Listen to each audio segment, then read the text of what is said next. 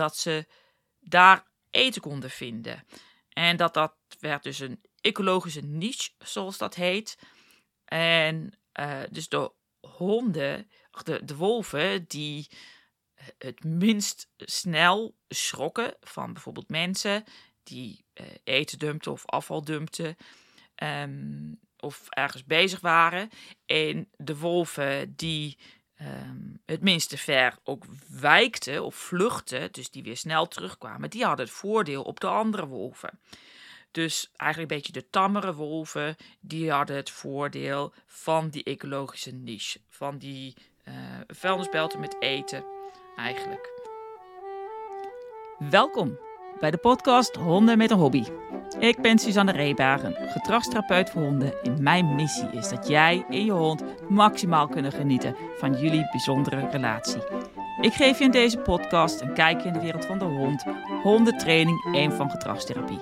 Aan de hand van nieuwe wetenschappelijke inzichten en voorbeelden uit de praktijk ontrafel ik hondengedrag en doorprik ik oude dogma's en mythes. Waar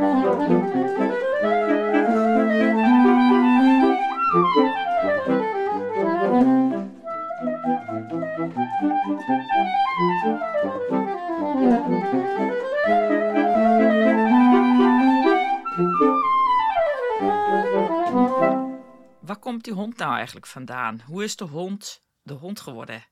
Hebben we stiekem toch een klein wolfje in huis of een, uh, een jakkals? Zelf moest ik altijd aan een klein vosje denken. Zeker als Maya dan zo opgekruld lag op een warm plekje in de zon. En met haar neus zo in haar mooie staart. leek ze net Firefox. Echt zo'n klein bolletje opgerolde vos. Nou, er staan natuurlijk allemaal hele romantische ideeën over hoe de hond de hond geworden is. En uh, het is ook echt zo fascinerend als je kijkt naar al die verschillende rassen en al die verschillende vormen aan honden. En dat het allemaal de hond is. Waar komt die dan eigenlijk vandaan en hoe is die zo geworden? Wat is de geschiedenis? En waarom is dat eigenlijk belangrijk? Of waarom zou dat belangrijk moeten zijn om te weten? Nou, eerste antwoord, eerst om eens antwoord te geven op die uh, laatste vraag. Het is handig om te weten waar de hond vandaan komt, zodat je ook een beetje um, zijn gedrag kan verklaren. Het, het is handig om te kijken naar de evolutie van bijvoorbeeld de mens. En dat heet uh, evolutionaire psychologie. En uh, bij de hond heet dat evolutionaire etologie. En dat kan je wat inzichten geven. En als je naar hondengedrag kijkt en daar uh, op moet ingrijpen, uh, en wat in dagelijks mijn werk is, dan is het handig om met verschillende brillen op naar die hond te kunnen kijken. En eentje daarvan is dus vanuit de evolutie, vanuit waar de hond vandaan komt. Dus dat gaan we eens in deze uitzending, uh, in deze aflevering, wat nader onderzoeken. Nou, als we de wetenschap raadplegen, dan, uh, als we het over de hond hebben, dan heet dat Canis familiaris of Canis lupus familiaris. Waar Canis de genus is, lupus de specie en familiaris het subspecie. Lupus is er later bijgekomen omdat wij, uh, en dat staat voor wolf, omdat wij weten dat de hond van de wolf afstamt moet ik wel gelijk zeggen dat dit niet dezelfde wolf is dan de wolf die nu op de Veluwe loopt, of elders in Nederland. Um, de wolf die stamt af. De wolf en de hond die hebben een gemeenschappelijke voorouder, een andere type wolf. En, uh, maar dat wil niet zeggen dat de hond en de wolf niet heel erg dicht bij elkaar staan qua uh, genetisch materiaal. Ze staan zelfs zo dicht bij elkaar dat het uh, dichter bij elkaar is dan bijvoorbeeld de mens en de chimpansee. Nou, binnen de genus Canis, daar zitten heel veel verschillende typen carnivoren, waaronder de vossen, jakkalsen, wolven en coyotes. En uh, die dieren die kunnen ook uh, interbreeden. Die kunnen met elkaar voortplanten. Dat gebeurt ook wel eens. En dat maakt het soms ook een beetje lastig om uh, te gaan uitkiezen van, voor archeologen wanneer nou eigenlijk uh, iets wat ze gevonden hebben een hond of een wolf is. Maar als we het archeologen vragen, dan zijn ze het een beetje erover eens. In ieder geval dat zo ongeveer 14.000 jaar geleden hadden ze een um, in Bonn, Duitsland. Um, nee, die hebben ze niet 14.000 jaar geleden. Wat zeg ik nou? Toen gevonden. Nee, ze hebben in Bonn, Oberkassel, in Duitsland, een uh, stukje skelet gevonden, een schedel um, van een hond. En die is ongeveer 14.000 jaar oud. Uh, ze hebben ook in België, in de Goyette-grot, uh, 32.000 jaar geleden um, is de meting ook iets gevonden. Maar uh, dat is een beetje discutabel. Of daar wordt nog over gediscussieerd of dat echt een hond is of een wolf. Ze kijken naar allerlei dingen, bijvoorbeeld naar de tanden, de grootte van het skelet.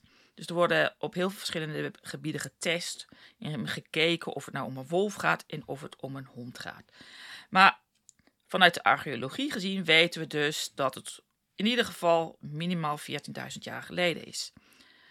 Maar um, ja, wat zegt uh, andere delen van de wetenschap hierover? Nou, als we naar de genetici kijken, dan kijken ze zelfs soms terug naar 135.000 jaar geleden. En dat is een beetje rond de tijd van de laatste glaciale maximum.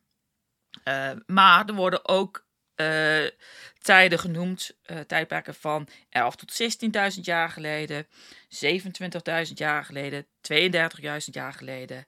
Het is nog niet helemaal uitgekiend. Nou, waar zijn ze dan ook eigenlijk uh, gedomesticeerd? En uh, het idee is dat dat een beetje in het Midden-Oosten, noordelijke Europa, een beetje Eurasië, dat daar de hond is ontstaan. En uh, een recente research paper uit 2020 hebben ze het over de waarschijnlijkheid dat dat al zou zijn gebeurd tijdens de laatste glaciale maximum. Dat is, uh, toen was de aarde ongeveer 6 graden kouder dan nu. En er was ongeveer 25 keer meer stof dan nu. Het was dus wel echt bitter koud. En als we het ook over de laatste glaciale maximum hebben, was een beetje uh, wat de meeste ijs voorkwam op aarde. Nou, in die tijd is ook een beetje uh, dus druk op de omgeving ontstaan over waar eten te vinden is. En dat heeft waarschijnlijk ook gezorgd dat de, de wolf en de mens wat uh, tot elkaar veroordeeld werden. Of dat ze wat dichter bij elkaar kwamen. En dat er dus op die manier een domesticatieproces is plaatsgevonden. Maar als je nou denkt, hé, hey, uh, ja, hoe dat gegaan is, is er was gewoon iemand vond een leuke wolvenpuppy en die nam hem mee naar uh, zijn uh, groep, zijn tribe, waarmee die, zijn groepje mensen, waarmee die uh, omging, bij wie die hoorde. En dat hij dat schattige wolvenpuppy deed opgroeien, opvoeden. Nou, ik denk dan heb je het aan het verkeerde eind. Want wie een beetje wolf kent, niet dat ik nou echt een grote kenner is, maar als je de wolvenkenners vraagt, een wolf, die zal je dan heel vroeg bij de moederwolf vandaan moeten halen. En uh, ja, zo'n wolf laat zich eigenlijk niet zomaar temmen. En in die tijd hadden ze ook nog niet um, allerlei uh, dingen om een hond mee, een wolf mee vast te kettenen. En er waren geen metalen kettingen en zulke type dingen. Hé hey Troy, ja, ik zie je. Troy komt even dag zeggen. Maar ja, oké, domesticatie dus. Uh, wat betekent dat nou eigenlijk?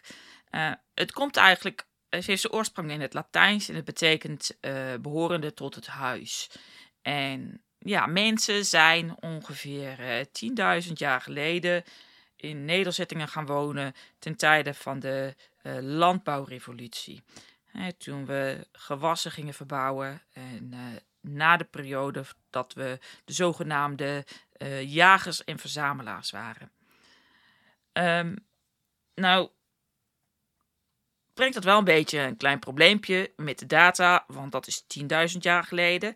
En nou ja, dat uh, stukje skelet, uh, stukje schedel uit Bond, dat is uh, eh, 14.000 jaar geleden. En misschien is het al daarvoor, 135.000 jaar geleden, door sommige genetici aanwijzingen, dat het domesticatieproces al plaatsvond. Hè?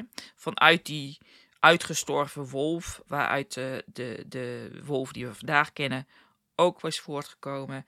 En ook de hond. Ehm, dus ja, en hoe is dat dan gebeurd? Ehm, nou, weten we dat Lorenz die had een interessant idee daarover.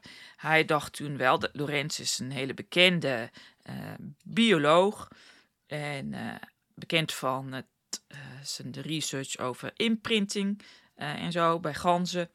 maar zijn idee was dus dat het jakkalsen waren die bij het kampvuur kwamen uh, omdat ze geïnteresseerd waren in wat mensen daar deden, nieuwsgierig waren en uh, wat eten kwamen bedelen. En dat ze dan uh, wat, wat restjes kregen en dat dat dus tot hun voordeel was. Ehm, dus, maar ja, daar, ehm, daar hadden we, ja, dat ze, dat ze dus uiteindelijk ook van die beestjes, dat ze dachten van hé, dat is handig. Ze kunnen waken, Ehm, misschien kunnen ze ons dan wel helpen bij de jacht. Maar het verhaal is een beetje, gaat een beetje mank. Uh, sowieso omdat het uh, jakkals waren. We weten nu dat dat wolven zijn. En ook Lorenz is er later op teruggekomen. Omdat de vocalisatie van jakkalsen te ver, uh, te anders is dan van honden. En ehm, dus hij is daar ook wel aan teruggekomen. Maar we denken ook dat de investering om zo'n wolf dus uh, te gaan uh, temmen, gaan, tam te maken, mee te nemen, dat dat misschien toch wel een beetje te arbeidsintensief was. Een andere mogelijkheid is dat als we dus kijken vanuit het verhaal van uh, dat ze wat dichter bij elkaar kwamen vanwege hoe de omgeving op dat moment was. Uh, uh, bij de laatste glaciale Maximus. Ik zeg het nog een keer, omdat het zo lekker zegt. nee, toch? Dus. Maar die 135.000 jaar geleden, toen de aarde zo koud was. En, maar ja, ze ontmoeten elkaar dus waarschijnlijk bij een karkas. Dus het wolven zijn uh, uitstekende jagers. En nou ja, de mens was op dat moment ook aan het jagen, jagen-verzamelaars. En um, dus die zouden misschien elkaar op dat moment ontmoeten bij zo'n karkas. Maar ik weet nou niet of dat echt een, uh, een vriendelijke ontmoeting was. En of dat uh, juist het domesticatieproces zou bevorderen. Dus ja, wat zou een andere mogelijkheid zijn? Nou, dus uh, nog een derde verklaring. Hè, en Zenner is daar ooit mee gekomen in 1963. En Ray en Lorna Coppinger in 2001 in hun boek uh, Dogs. En uh, dat is echt een super boek om te lezen. Um, was eigenlijk een van de eerste boeken die ik las toen ik ooit wat me ging verdiepen in honden. En die hadden meer het idee van dat toen mensen dus bij elkaar gingen wonen, dat er ook wat meer uh, resten voedsel overbleven, dichtbij waar ze woonden. En dat dus uh, een beetje uh, zoekende wolven, dat ze daar eten konden vinden. En dat dat werd dus een ecologische niche, zoals dat heet. En dus de honden de, de wolven die het minst snel schrokken van bijvoorbeeld mensen die uh, eten dumpten of afval dumpten. Um, of ergens bezig waren. En de wolven die um, het minste ver ook wijkten of vluchtten, dus die weer snel terugkwamen, die hadden het voordeel op de andere wolven. Dus eigenlijk een beetje de tammere wolven, die hadden het voordeel van die ecologische niche. Van die vuilnisbelten met eten, eigenlijk. En vandaag zien we dat ook op de vuilnisbelten van Mexico. Ehm, daar floreert ook zo'n hondenpopulatie. Daar heeft Ray Coppinger ook nog heel veel onderzoek gedaan. Hij heeft eh, onwijs veel onderzoek gedaan naar honden overal de wereld. Want vergis je niet, er zijn ongeveer een miljard honden op de wereld. Waarvan uh, wel uh, 70, 80 procent niet onder beheer is van de mens. Dus het grootste deel is niet onder beheer van de mens.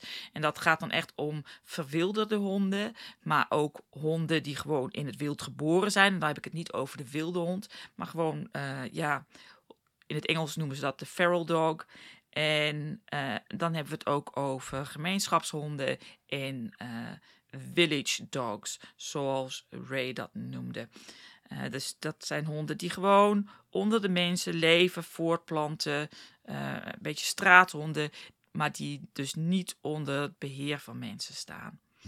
En, uh, maar dat, is dus, dat zou een hele mooie verklaring kunnen zijn van hoe de wolf een hond is geworden. En wat zo grappig is, op een gegeven moment was de, werd het ook bekend dat Balaev, een, een, een, fokker van een, wetenschapper, dat hij een experiment deed bij zilvervossen in Siberië.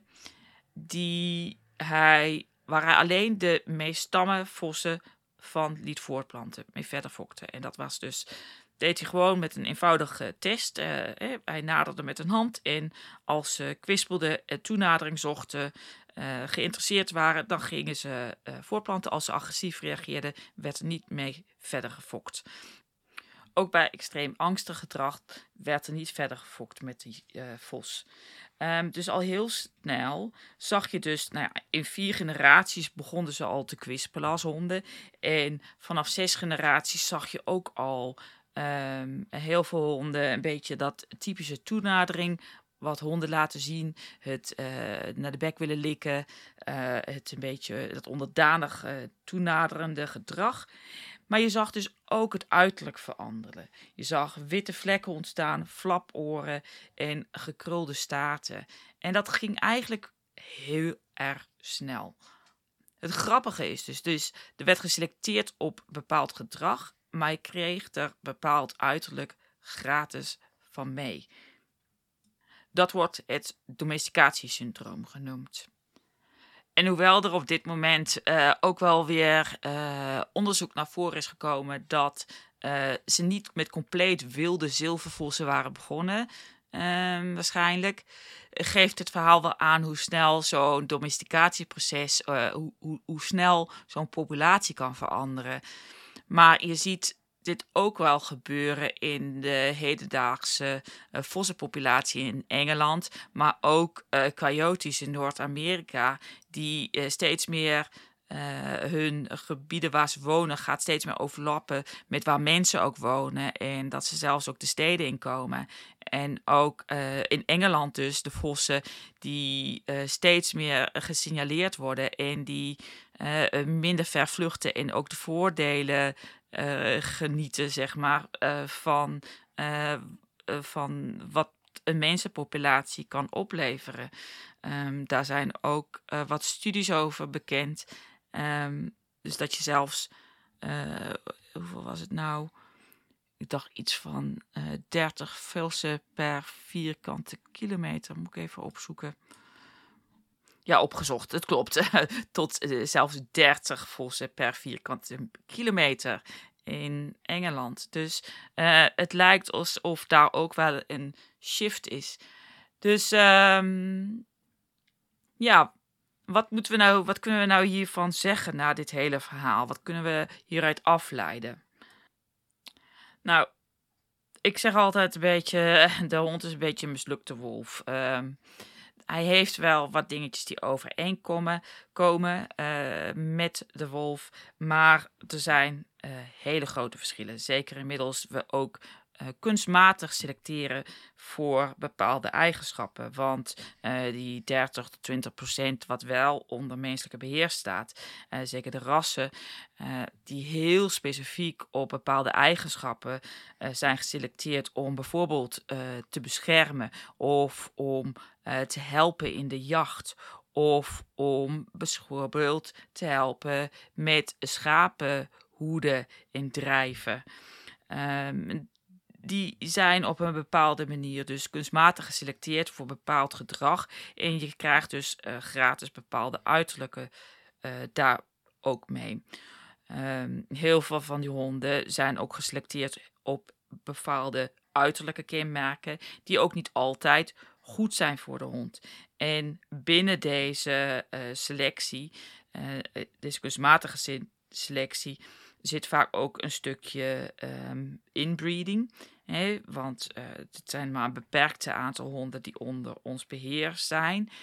En dat brengt ook een stukje um, verminderingen in genetische diversiteit met zich mee. Uh, maar ook onder al die verschillende rassen krijg je dus ook een behoorlijke variatie in gedrag. Hoewel het wel allemaal honden zijn. Maar het zijn zeer zekerlijk niet meer wolven. Uh, misschien dat de hybride, waar de wolf weer terug is, is, gefokt. Um, en dan heb ik het echt over eerste, tweede generatie uh, hybride. Uh, dat die wel heel erg lijken op wolven. En uh, ik zou dus ook iedereen afraden om zo'n hybride te kopen. Um, dus ze zien er prachtig uit, maar ik zou eigenlijk, vind eigenlijk zo'n stom idee om een wolf weer uh, terug te fokken in de hond. Nadat die hond zich zo is gaan specialiseren, is eigenlijk, eigenlijk op die mens. het is dus wel, ja, ik vind het een beetje dat de, de hond zichzelf een beetje gedomesticeerd heeft, doordat hij de voordelen heeft kunnen ehm, gebruiken uh, van de mens die in nederzettingen is gaan wonen. Maar je ziet dus gewoon dat bij wolven zijn er hele uh, sterke familiebanden, uh, zijn hele goede ouders. ze blijven lang voor hun jongen zorgen. En bij honden zie je dat gewoon niet zo. Het zijn hele losse sociale groepen van twee tot zes. Misschien bij wat wilde, wilde honden tot misschien tien uh, honden. Maar het is heel erg ongestructureerd. Ze zorgen niet heel erg goed voor de jongen. Ze worden al snel aan hun lot overgelaten. Uh, het is niet zo'n strakke cohesie, uh, een hele losse hiërarchie. Als er al een hiërarchie is. En er zitten wel soms wat aanwijzingen over sta status. in, in, in, in, er, er kan er iets van een hiërarchie aangebracht worden met betrekking tot leeftijd en uh, wie voortplant. Maar het is eigenlijk niets in vergelijking met hoe dat bij wolven zit. Um, dus om ook de hond als een wolf te gaan behandelen, is um, eigenlijk, vind ik, zeer onzinnig om te doen.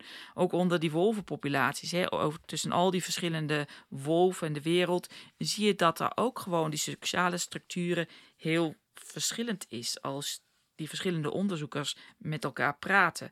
Um, dus laten we alsjeblieft naar de hond kijken zoals die is. Uh, natuurlijk heel veel gedrag is terug te herleiden naar de wolf. Uh, sommige honden kunnen uitermate goed jagen en voor zichzelf zorgen op die manier. Maar Um, en heel veel gedrag is daar leiden naar onderdelen van de jacht. En daar wil ik nog wel eens een keertje op terugkomen in een uh, andere aflevering. Uh, maar uh, ja, is er, hebben we een klein wolfje die in huis bij ons woonde?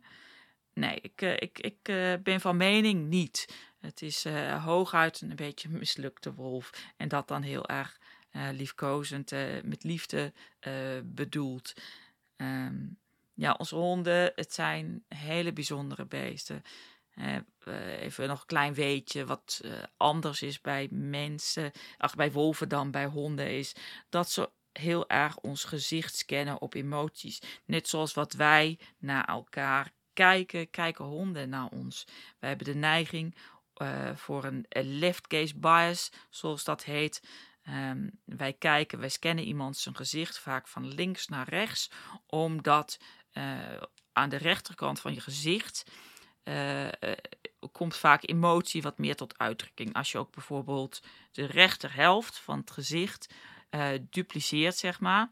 Als je hem in de lengte doorknipt hem, zeg maar, een spiegelbeeld aan de andere kant klapt, dan komt die emotie meer tot uit en kun je de emotie nog beter lezen. Dus wij scannen dus van links naar rechts zo'n gezicht. En uh, honden die doen dat ook. Uh, ik geloof dat zelfs bij, bij onze dichtstbijste aapachtige familieleden bij de chimpansee dat niet zo is. En wolven doen dat ook niet onderling. Zij doen het bij mensen. En wolven doen het niet. Er zijn ook nog wel wat verschillen over hoe ze um, de, de aanleg die ze hebben om uh, op ons aanwijzingen dingen te doen. En wolf is daar veel onafhankelijker. Daar zijn studies uh, gedaan bij wolven. En dat zijn dan wolven die van kleins af bij mensen zijn geweest, die ook mensen gewend zijn. Maar het lijkt er echter op dat het genetisch echt die hond onderlegd is om met de mens samen te leven. En uh, ja, hoe, hoe mooi is dat? Uh, dus ja, de exacte verhaal achter hoe de hond hond geworden is, uh, dat blijft nog een klein beetje van een puzzeltje. We hebben al wat aanwijzingen van hoe dat is gebeurd. En, uh, maar ja, bottom line is, het is geen wolf, het is een hond. en nou, ik, ik, ik, ik vind het fantastisch hoe zij ons leven verrijken. En hoe bijzonder zij zijn. En nou ja, Laat me weten wat jullie vinden van deze aflevering. En of je er iets van opgestoken bent, of er nog vragen zijn, onduidelijkheden. Op welk onderdeel ik nog eens verder zou in kunnen gaan. Want ja, er zijn zoveel dingen waar je nog verder op kan inzoomen. Maar voor nu sluit ik eh, deze aflevering af. Bedankt voor het luisteren en tot de volgende keer. Super leuk dat je geluisterd hebt vandaag. Dankjewel voor je aandacht. Maar voordat je verder gaat, nog even het volgende. Vond je dit een interessante aflevering en wil je op de hoogte blijven van alle nieuwe afleveringen? Subscribe, abonneer of volg me dan door de subscribe, abonneer of volg knopje aan te klikken in je podcast app. Vind je deze podcast waardevol en wil je me helpen in mijn missie? Zeg het dan voort door bijvoorbeeld een screenshot te maken en door te sturen of op je social media pagina te delen. Vergeet me dan niet ook even te taggen. Op Facebook ben ik het beste te vinden. Daarnaast kan je deze podcast meer onder de aandacht brengen door te abonneren en een 5 sterretjes review te geven in je favoriete podcast app of op iTunes. Heb je anders vragen die je graag besproken wilt hebben of een opmerking naar aanleiding van de aflevering? Laat het me weten op podcast@hondenmetenhobby.nl. Ik lees ze allemaal. Wie weet hoor jij jouw opmerking of vraag terug in een uitzending. Dan als laatste, maar heel belangrijk. Kom je er niet uit met je hond, heb je problemen, blijf dan niet langer aanmodderen in je eentje en stuur me dan een e-mail naar waf.honden.nl. Rest me te zeggen, geniet van je hond en jullie unieke relatie en maak er een mooie dag van. Voor jou en je hond. Doei!